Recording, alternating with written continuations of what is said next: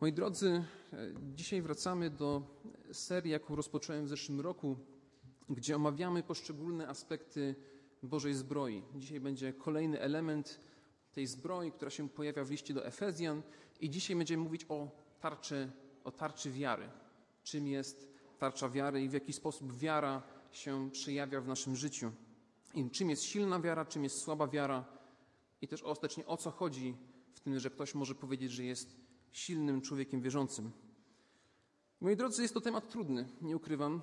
Przygotowując, do tego, przygotowując się do tego kazania, naprawdę e, byłem lekko wy, wycieńczony i nie wiem, czy to, to, wynika to bezpośrednio z tego, że ten temat jest jaki, jaki jest, ale było to dla mnie trudne w różnych, w różnych e, aspektach tego, co tu będzie mówione. Także mam nadzieję, że faktycznie, jak będziemy teraz to czytać, to będziemy mogli się w stanie skupić na tym, co tutaj jest napisane, żeby faktycznie te słowa, które tu są mówione, żeby były dla nas ważne. Tego zachęcam list do Efezjan, szósty rozdział. Będziemy czytać wiersze od 10 do 16, a skupimy się w szczególności na wierszu 16. List apostoła Pawła do Efezjan, szósty rozdział, wiersze od 10 do 16.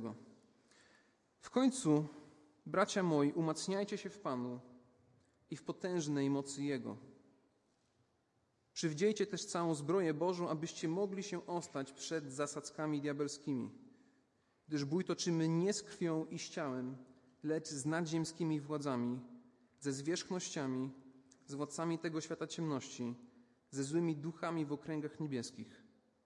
Dlatego weźcie całą zbroję Bożą, abyście mogli stawić opór w dniu złym i dokonawszy wszystkiego ostać się.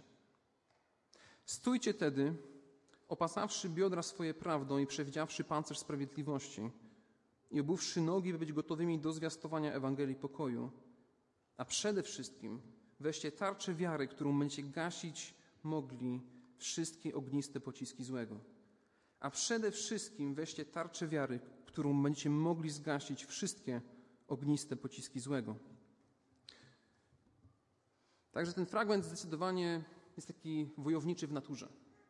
Czytamy o tych pierwszych wierszach, że jest to wojna, jest to walka duchowa i jest to walka, wojna, która nie jest widoczna gołym okiem. To nie jest coś, co my wychodzimy na ulicę i widzimy duchową walkę. Jest to coś, co ma miejsce w życiu każdego człowieka wierzącego. W momencie, kiedy człowiek się nawraca, kiedy Bóg go do siebie powołuje, on odpowiada na wezwanie Ewangelii i wierzy, że Jezus Chrystus staje się Jego Panem, Jego Zbawicielem, to równocześnie dołącza do wojny duchowej, która jest dla niego może fizycznie niewidoczna. I dlaczego to jest ważne, żeby rozumieć, że w ogóle jakaś walka trwa? Dlaczego jakaś wojna trwa? Bo jak w każdej, dobrze wojny, w każdej dobrej wojnie informacja jest kluczowa. Więc jeżeli przeciwnik wie, że walczy, a ty nie wiesz, że walczysz, to jesteś na przegranej pozycji. Jeżeli przeciwnik ma jakąś wiedzę o tobie, a ty nie masz wiedzy o przeciwniku, to również jesteś na przegranej pozycji. Są ciekawe przykłady z różnych historii wojennych, gdzie jakaś informacja została przechwycona parę minut, kilka godzin przed jakąś bitwą i to całkowicie zmieniło ustawienia, strategie, taktyki i gdyby ktoś tego nie przychwycił, to prawdopodobnie bitwa by się skończyła w zupełnie inny sposób.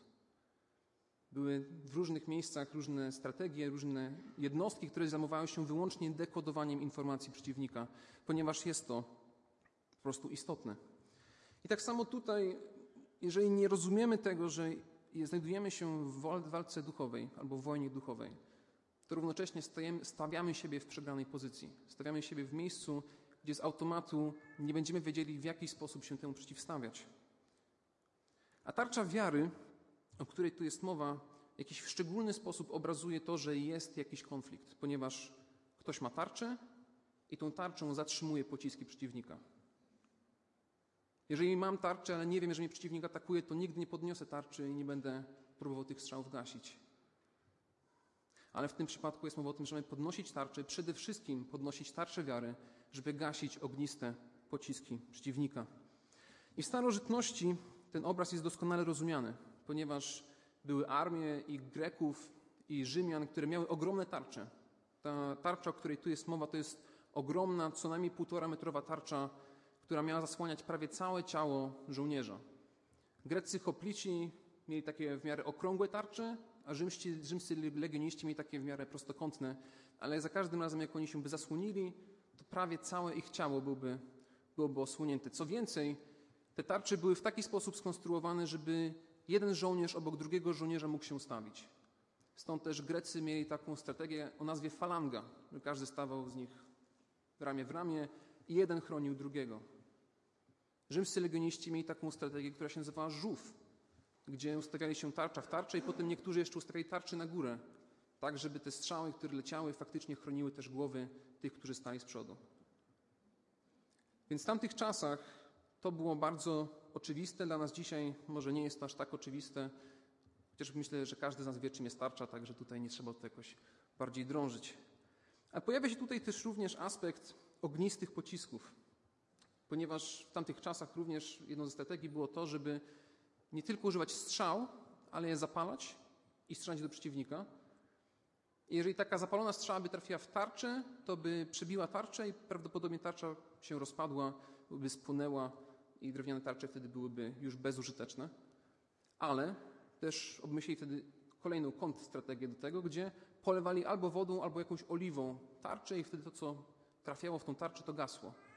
I prawdopodobnie tego obrazu tutaj wzywa apostoł Paweł, żebyśmy mieli taką dobrze naoliwioną tarczę, dobrze nawodnioną tarczę, która będzie gasła wszelkie ataki, wszelkie pociski, które są kierowane w stronę wierzącego. I nazywa tą tarczę tarczą wiary. Tarczą wiary. I pytanie, które się rodzi naturalnie, jest takie: o jaką wiarę tu chodzi? Czy to chodzi o samą wiarę zbawienną, tego, że zaufaliśmy Jezusowi Chrystusowi, że On jest naszym Panem, naszym Zbawicielem i przez to mamy życie wieczne? Czy może chodzi o jakąś siłę naszej wiary, tego, że każdy z nas, jak tu się znajduje na sali, prawdopodobnie jest w innym miejscu swojego życia duchowego? Prawdopodobnie w różnym sposobie, w różnym aspekcie jesteśmy w stanie Bogu zaufać.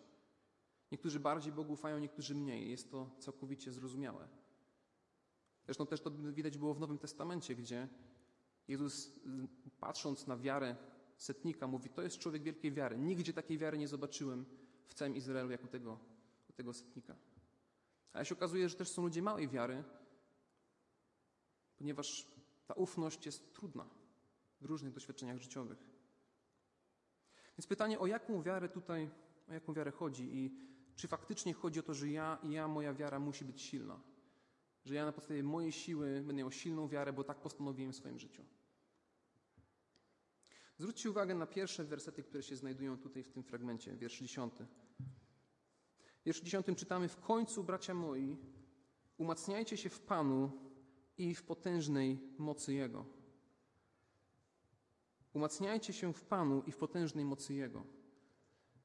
Jeżeli możemy mówić w jakimkolwiek stopniu o tym, że nasza wiara jest silna, że nasza wiara jest mocna, to możemy mówić to tylko z tego powodu, że nasz Bóg jest mocny, że nasz Bóg jest potężny i On nas posila, On nas wzmacnia, On nas chroni.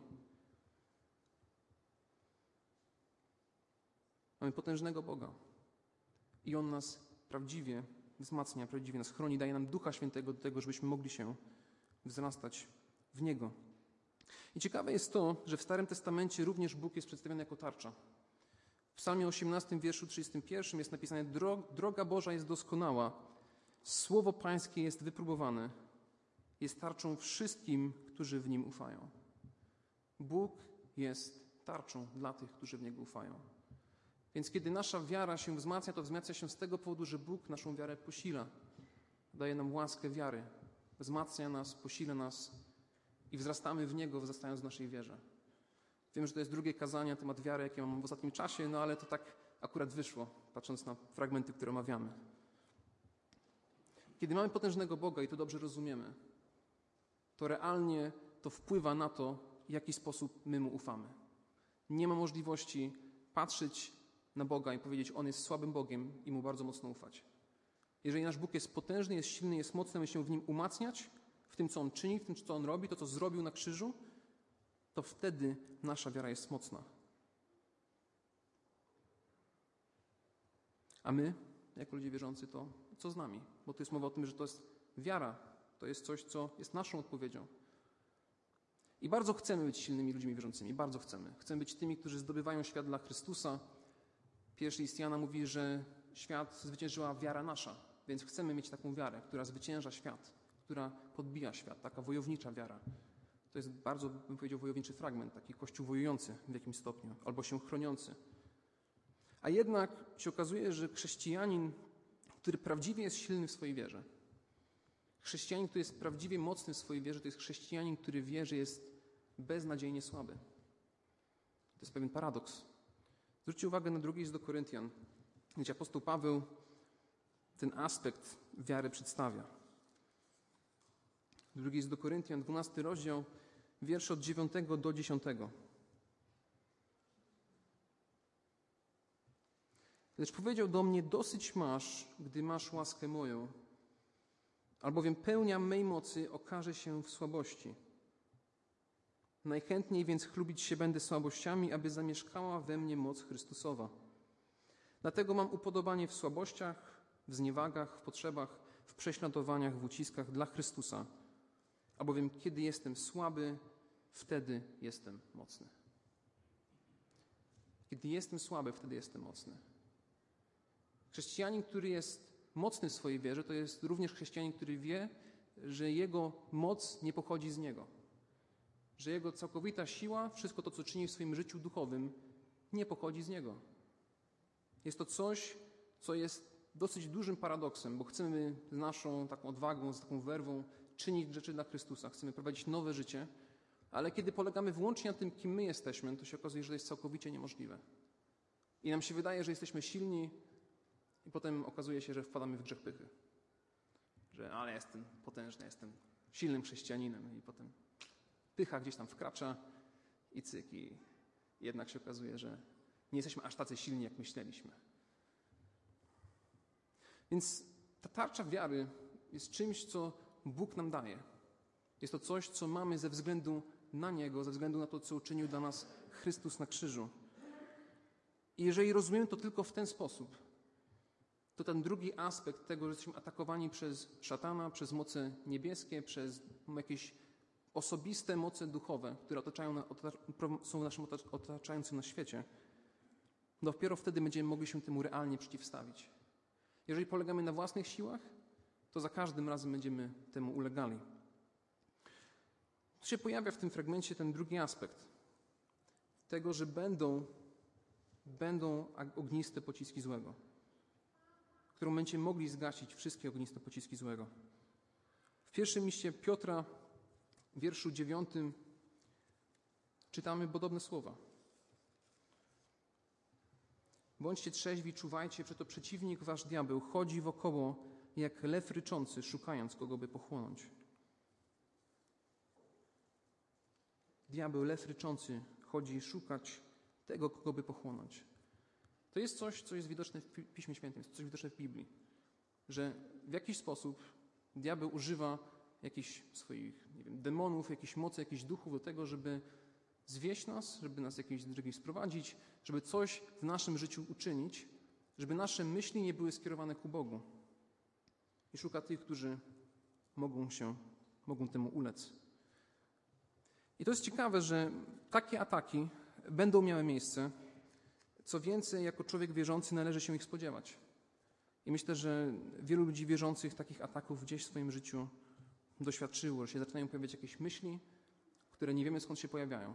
Potem myślimy, no ja tak zwykle nie myślę. Jakby to jest coś, czego ja sam nie doświadczam zazwyczaj. To nie jest coś, co ja naturalnie mi przychodzi, ponieważ ja w zupełnie inny sposób teraz myślę. Albo jakieś lęki, jakieś strachy, których nie rozumiemy.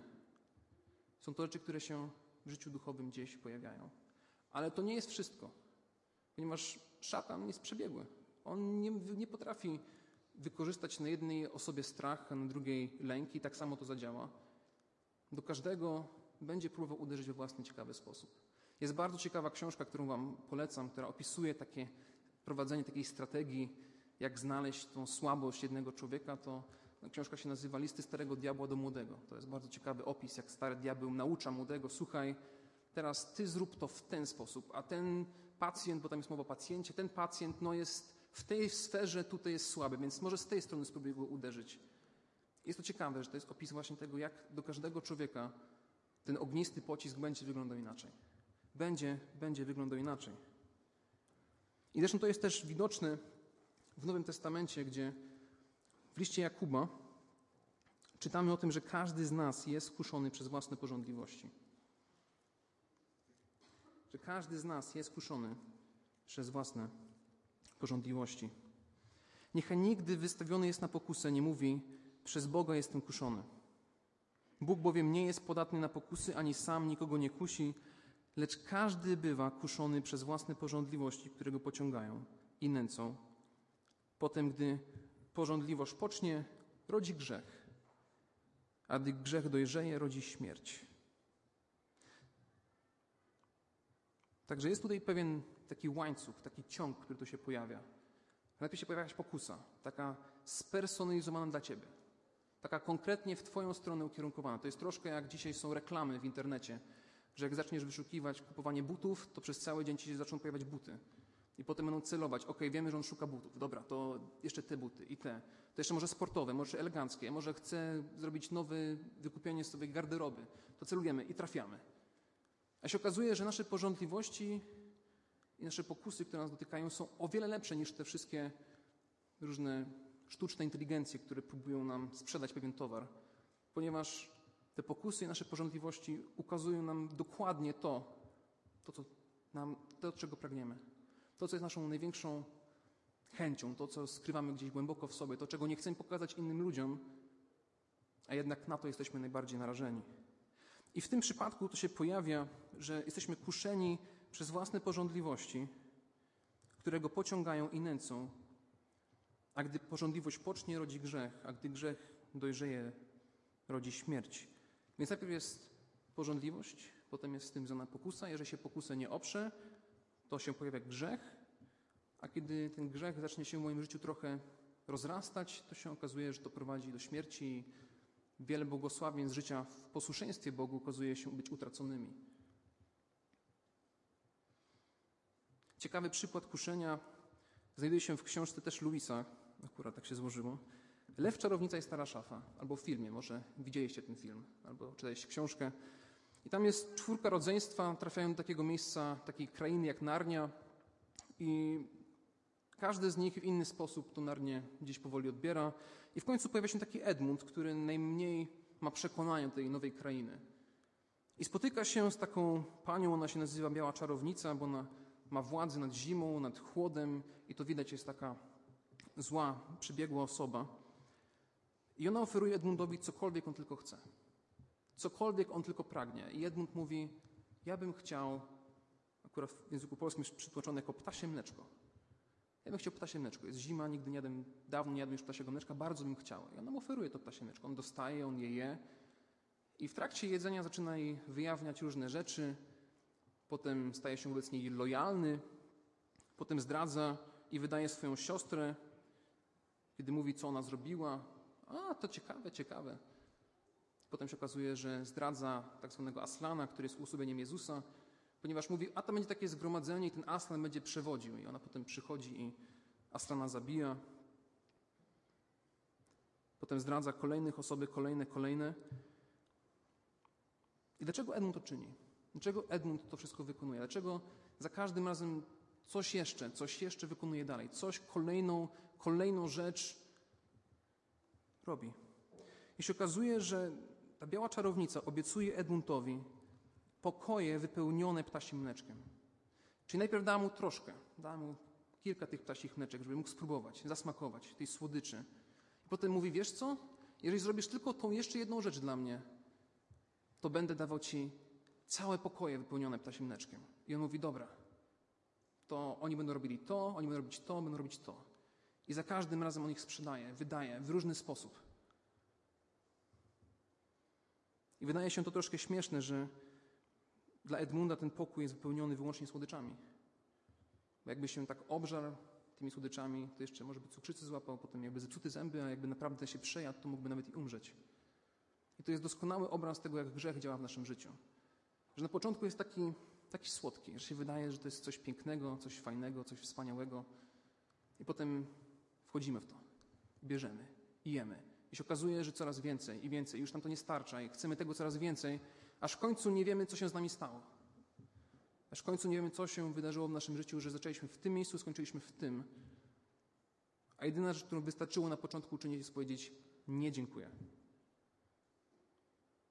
Ale ta słodycz, słodycz grzechu, którym tutaj tasiemneczko jest tu zobrazowane, po prostu w jakiś sposób nas, nas przechyca, przechytrza. W jakiś sposób na nas wpływa. Jest to coś, czym akurat albo się codziennie zmagamy, raczej na pewno się z grzechem codziennie zmagamy. Ale czasami są to jakieś takie szczególne pokusy, szczególne takie, które naprawdę nas doświadczają. I mówiąc krótko, ataki strzał tych ognistych, które się pojawiają w liście do Efezjan, to zasadniczo może być wszystko, co będzie służyło osłabieniu wiary. Wszystko, co będzie powodowało, że nie czujesz się godny, by być człowiekiem wierzącym. I to mogą być naprawdę, naprawdę różne rzeczy. Co więcej, patrząc na list do Efezjan, to widać, że są na pewno dwie instytucje dane nam przez Boga, które diabeł w szczególny sposób nienawidzi.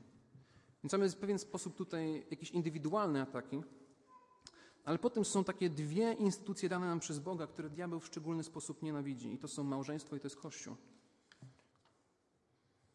I pytanie, co zasadniczo te dwie instytucje mają wspólnego? Co ma małżeństwo wspólnego z Kościołem? Zarówno małżeństwo, jak i Kościół mają obrazować dobrą nowinę. Mają obrazować to, co uczynił Jezus na krzyżu, mają obrazować to, w jaki sposób wygląda nowe życie wśród ludzi wierzących. Więc to, co jest dobre, to, co jest wspaniałe, to, co jest piękne, diabeł tego nienawidzi i chce to zniszczyć. I to w współczesnym świecie też zresztą widać. Ciągle są ataki na małżeństwo i z zewnątrz, i wewnątrć. Jest to widoczne we współczesnym świecie, gdzie małżeństwo jest wykrzywiane, gdzie dzisiaj już małżeństwo nie jest tylko między mężczyzną a kobietą. Zasadniczo może być to cokolwiek nam się tylko podoba, bo nie ma żadnych granic. A równocześnie może być to tak z wewnątrz, gdzie nagle w życiu ludzi wierzących zaczynają się pojawiać pewne problemy.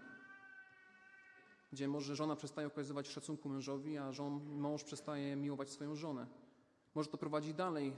Mąż i żona zaczynają szukać innych ludzi w swojej okolicy, w swoim otoczeniu, którym chcą się zwierzać z tego, co przychodzą, i potem jakieś inne trudności się z tym pojawiają. I może to nie jest zdrada bezpośrednio, ale to zaczyna gdzieś tam z tyłu głowy się pojawiać. I nagle się okazuje, że z małżeństwo, które służyło Bogu, nagle jest coś, co jest na skraju rozpadnięcia. Coś, co prawie realnie nie jest w stanie się oprzeć temu, co przed nimi stoi. Podobnie jest z Kościołem, gdzie zarówno widać zagrożenia i z zewnątrz, i z wewnątrz. To jest też zapowiadane w Nowym Testamencie, gdzie nawet z wewnątrz apostoł Paweł przed opuszczeniem Efezjan mówi: Słuchajcie, jakby od was, z wewnątrz Kościoła pojawią się ludzie, którzy będą chcieli was zniszczyć. Wilki o owczej skórze. Będą to drapieżnicy, którzy będą chcieli was zniszczyć od wewnątrz, a z zewnątrz to też się ciągle coś, coś pojawia. Ponieważ to jest domena służby szatana. Jest to niszczenie tego, co jest dobre, tego, co jest piękne, co jest wspaniałe, tego, co Bóg daje ludziom do tego, żeby ich błogosławić. Szatan niczego nowego nie tworzy. On tylko potrafi niszczyć to, co jest nam dane. I dlatego ludzie wierzący są wezwani do tego, żeby się przeciwstawiać tym atakom. Są wezwani do tego, żeby stawiać opór w momencie, kiedy zauważają, że coś w ich życiu się dzieje niewłaściwego. Ponieważ przeciwstawianie się diabłu ostatecznie jest wynikiem zaufania Bogu i Jego obietnicom, że one są lepsze, że na nich można polegać i że one ostatecznie dają bardziej błogosławione życie niż to, co oferuje diabeł. Ponieważ stawanie naprzeciw tym pokusom jest aktem wiary. Aktem wiary jest to, że powiesz, dzisiaj się będę troszczył moją żonę. Aktem wiary jest to, że powiesz, że dzisiaj się będę troszczyć o mojego męża. Aktem wiary jest to, że powiesz, dzisiaj nie będę oglądać tego filmu. Dzisiaj nie pójdę w to miejsce. To jest akt wiary, codzienny akt wiary, który jest od nas wymagany. List do Hebrajczyków, 10 rozdział, wiersze 38-39 mówi, a sprawiedliwy mój z wiary żyć będzie. Lecz jeśli się cofnie, nie będzie dusza moja miała w nim podobania. Lecz my nie jesteśmy z tych, którzy się cofają i giną, lecz z tych, którzy wierzą i zachowują wiarę. My nie jesteśmy z tych, którzy się cofają i giną, lecz z tych, którzy wierzą i zachowują wiarę. To jest ciekawe, że tutaj jest ten fragment, a sprawiedliwy mój z wiary żyć będzie. Bo to się pojawia w innych miejscach Nowego Testamentu, w liście do Galacjan, w liście do Rzymian, ale tam się to bezpośrednio odnosi do zbawienia, do tego, że będziemy, sprawiedliwy będzie żyć z wiary z tego powodu, że człowiek sprawiedliwy jest człowiekiem wierzącym. Jesteśmy usprawiedliwieni krwią Chrystusa, więc w Bożych oczach jesteśmy czyści, ponieważ krew Chrystusa za nas na krzyżu zapłaciła. Ale w przypadku listu do Hebrajczyków ten fragment mówi o tym, że sprawiedliwy żyć wiary będzie, ale w sensie praktycznym, że jest wiara aktywna, nie tylko ta odpowiadająca na wezwanie Ewangelii, ale ta, która faktycznie wpływa na nasze życie codziennie. My nie jesteśmy z tych, którzy się cofają i giną, lecz z tych, którzy wierzą i zachowują duszę. Autor listu Hebrajczyków jasno wskazuje na to, że jeżeli jesteśmy ludźmi wierzącymi, to my się nie cofamy. To jest podobna, podobne stwierdzenie jak w liście do Efezjan. My się ostać, mamy przetrwać, wytrzymać te ataki, zgasić te ataki, które na nas spoczywają. Więc wiara nie jest czymś pasywnym, jest to coś aktywnego. Jest to dana nam przez Boga całkowita zmiana życia, połączona z odkupieńczym działaniem Ducha Świętego. I to jest motor napędowy życia chrześcijańskiego. To jest motor napędowy tego, że ja mogę wstać rano i powiedzieć: Panie Boże, wspomóż mnie w tym, żebym dzisiaj mógł żyć na Twoją chwałę. I mówiąc krótko, życie chrześcijanina jest życiem wiary. Życie chrześcijanina jest życiem wiary. Chrześcijanin, który nie żyje z wiary, to nie jest, można powiedzieć, chrześcijanin. Według tutaj listu do Hebrajczyków. Wiara nie jest tylko wewnętrznym zaufaniem Bogu, ale zewnętrznym posłuszeństwem. Pragnieniem wysławiania Jego imienia we wszystkim, co się robi i patrzeniem na życie w perspektywie wieczności. I kiedy chodzi o pokusy, to nie jesteśmy wezwani do tego, żeby uciekać. To czasami się do tego mówi, dobra, uciekajcie przed pokusami, uciekajcie przed tym, co was spotyka. Ale Nowy Testament mówi nam coś innego. Mówi, przeciwstawiajcie się diabłu, stańcie czoła, postawcie się, zróbcie coś takiego, żebyście dzisiaj mogli się temu oprzeć. W liście do Jakuba czytamy, przeto poddajcie się Bogu, przeciwstawcie się diabłu, a ucieknie od was. Zbliżcie się do Boga, a zbliży się do was. Obmyjcie ręce grzesznicy, oczyście serca ludzie o rozdwojonej duszy. W liście do Jakuba widzimy ludzi, którzy właśnie mają problem. Mają rozdwojoną duszę, mają, nie są w pełni ufający Bogu.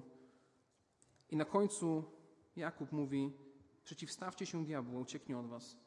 Jeżeli masz jakieś wątpliwości w swoim życiu dzisiaj, jeżeli masz jakieś problemy, które wynikają z tego, że jest jakiś grzech, jakiś problem, to może jest to wezwanie do ciebie, żebyś dzisiaj się temu po prostu postawił. Żebyś dzisiaj podniósł swoją tarczę w tym miejscu, o którym wiesz, że należy zadbać. To nie jest jedyne miejsce, które tego wzywa. W do Efezjan, czwarty rozdział, wiersze 27-28. Nie dawajcie diabłu przystępu. Kto kradnie, niech kraść przestanie, a niech raczej żmudną pracą własnych rąk zdobywa dobra, aby miał co udzielać potrzebującemu. Nie dawajcie diabłu przystępu. Innymi słowy, nie pozwalajcie nawet na to, żeby diabeł z wami jakoś próbował coś zacząć. Od was zależy trochę to, żebyście realnie się mogli temu już wcześniej postawić. W pierwszym liście Piotra, który czytaliśmy już w tym kazaniu, było napisane: Bądźcie trzeźwi, czuwajcie.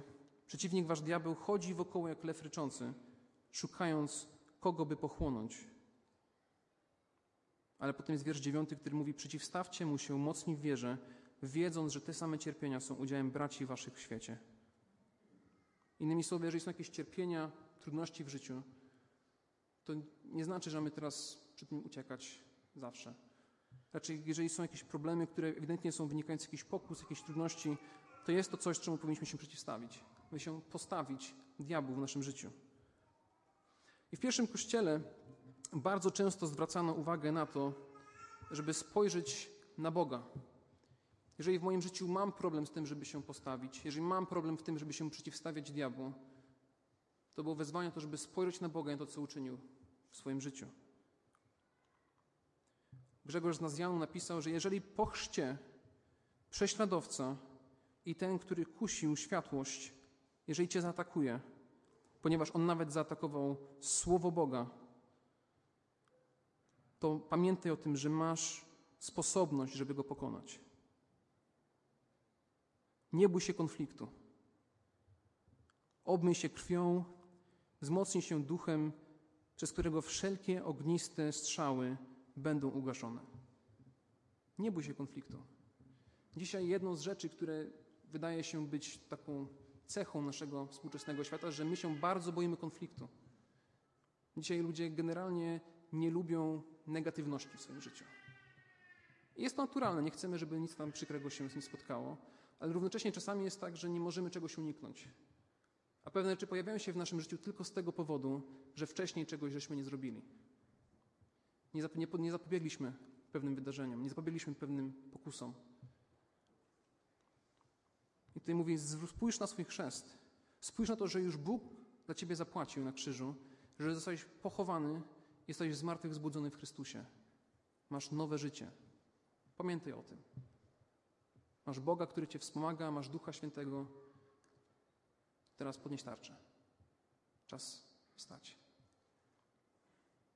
I ktoś może powiedzieć, dobrze, ale w moim życiu nie ma nic do, do zmiany. Może moje życie jest takie doskonałe, nie widzę żadnych problemów, u mnie wszystko jest w porządku. No to prawdopodobnie już nastawienie jest czymś, na czym należy popracować. A jeżeli ktoś powie, bracie, u mnie jest tyle rzeczy, że ja nie wiem, jak mam z tym poradzić. Jakby u mnie jest o tyle dużo, że jakby wszystko w moim życiu należy naprawiać. To zacznij od jednej rzeczy. Zacznij bądź wierny w jednej małej rzeczy i zauważ, jak to, co Bóg zmienia w tej jednej rzeczy, będzie cię zachęcało do czynienia kolejnej. Chrystus już za ciebie zapłacił. Twoje grzechy zostały zapłacone w pełni na krzyżu. To jest coś, co jest pewne, jest to zagwarantowane. Co więcej, zagwarantowane jest nowe życie w Chrystusie. Dzisiaj jesteśmy wzywani do tego, żeby postawić się, żeby podnieść nasze tarcze, żeby realnie podnieść tą tarczę z wiarą. Powiedzieć, dzisiaj z wiarą uczynię to. Dzisiaj z wiarą nie będę robił tego. Wydaje się to być proste, ale wiemy jak jest. Chcemy być silni, często nasza słabość nas przykrywa, ale równocześnie wtedy, kiedy jesteśmy w słabości i okazuje się, mamy jakieś zwycięstwo w naszym życiu, to widzimy i potęgę Boga, i widzimy to, co On w naszym życiu niesamowitego uczynił. Także moi drodzy, tego nas wzywam, tego nas zachęcam, żebyśmy nie bali się, żebyśmy się nie bali tych konfliktów, które gdzieś może nas przytłaczają. Są różne ogniste pociski, które atakują nas z różnych stron, pod różnym sposobem, a realnie powinniśmy się im przeciwstawiać, ponieważ wtedy, realnie wtedy diabeł będzie nas odstępywał. I to, do czego chcemy teraz nas zachęcić, jest to, żebyśmy powstali i pomodlili się modlitwą pańską. Z racji tego, że w jednym wierszu tej modlitwy pojawia się bardzo, ciekawa, bardzo ciekawe zdanie, które również może być pomocne dla nas w momencie, kiedy przechodzimy coś, co przekracza nasze siły. W wierszu 13 jest napisane: I nie wódź nas na pokuszenie, ale co? Ale nas zbaw ode złego. To są słowa, którymi Jezus w ogrodzie Getsemane modlił się o tych, którzy do Niego należą. Ale zbaw ich ode złego. Jeżeli dzisiaj masz realną trudność z jakąś pokusą albo z jakimś atakiem, którego nie jesteś w stanie wyjaśnić, to zachęcam, żebyś modlił się, Panie, zbaw mnie ode złego, ratuj mnie, Panie. Dlatego zachęcam tak, żebyśmy teraz pomodlili się tą modlitwą wspólnie, żeby Bóg nas wspólnie przed tym wszystkim chronił. Także zachęcam nas do modlitwy. Ojcze nasz, który jesteś w niebie, święć się imię Twoje, przyjdź królestwo Twoje, bądź wola Twoja, jak w niebie, tak i na ziemi. Chleba naszego powszedniego daj nam dzisiaj i odpuść nam nasze winy, jak i my odpuszczamy naszym winowajcom. I nie wódź nas na pokuszenie, ale nas zbaw ode złego. Albowiem Twoje jest królestwo i moc i chwała na wieki wieków. Amen.